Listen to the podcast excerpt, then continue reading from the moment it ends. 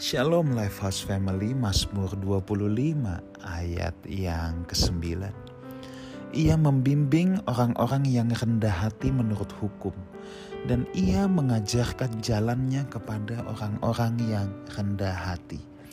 Saudaraku, di sini jelas bahwa yang dibimbing dan yang diajar adalah yang rendah hati. Kenapa yang rendah hati? Sebab memang kalau kita tidak rendah hati saudara, kita tidak mungkin bisa dibimbing. Kita tidak mungkin bisa diajar. Orang-orang yang tinggi hati lawannya rendah hati ya. Orang-orang yang tinggi hati itu susah untuk diajar, susah untuk dibimbing. Kenapa? Sebab dia sudah merasa tahu semuanya.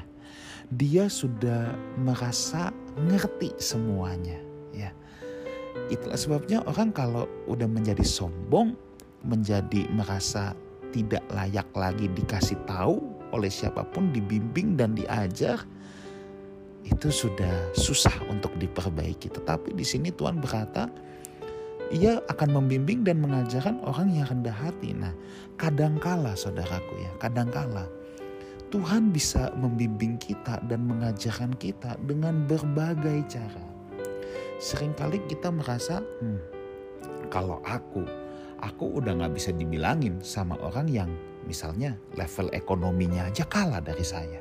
Atau level pendidikannya aja kalah dari saya. Kenapa saya harus dengerin dia?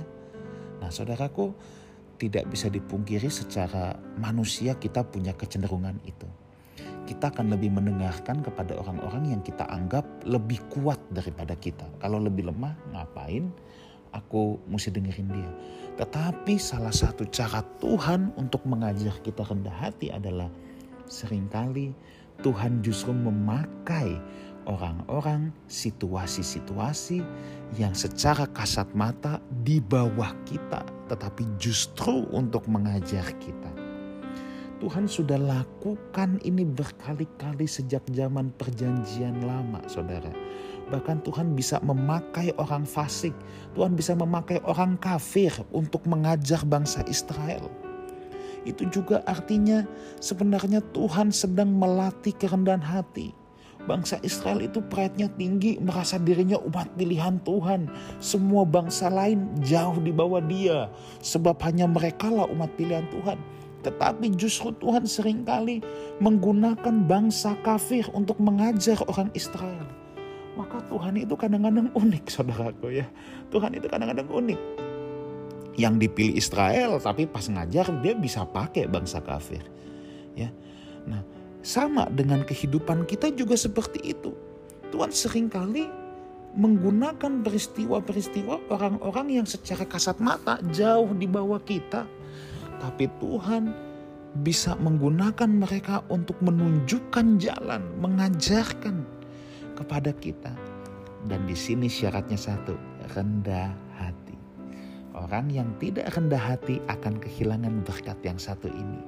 Ketika Tuhan menunjukkan jalan, ketika Tuhan mengajarkan jalan-jalannya, kalau kita tidak cukup rendah hati, kita tidak akan bisa menangkapnya. Itulah sebabnya saudara, saya pribadi selalu terbuka, saya selalu bahkan juga berdiskusi dengan siapa pun karena saya percaya Tuhan bisa bicara lewat siapa pun saudara.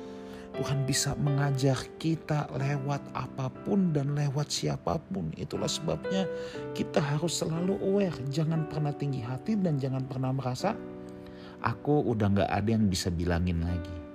Aku udah tahu semuanya.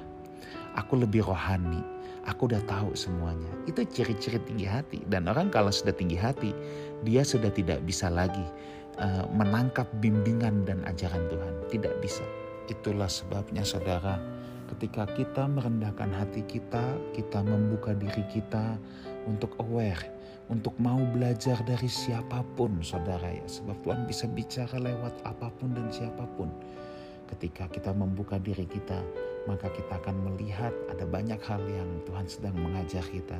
Dan saya percaya saudara tidak akan kehilangan momen-momen itu sebab apa pun jalan Tuhan yang Tuhan sedang tunjukkan dan Tuhan sedang ajarkan lewat sarana apa pun itu bisa memberkati hidup kita dan membawa kita kepada kemuliaannya.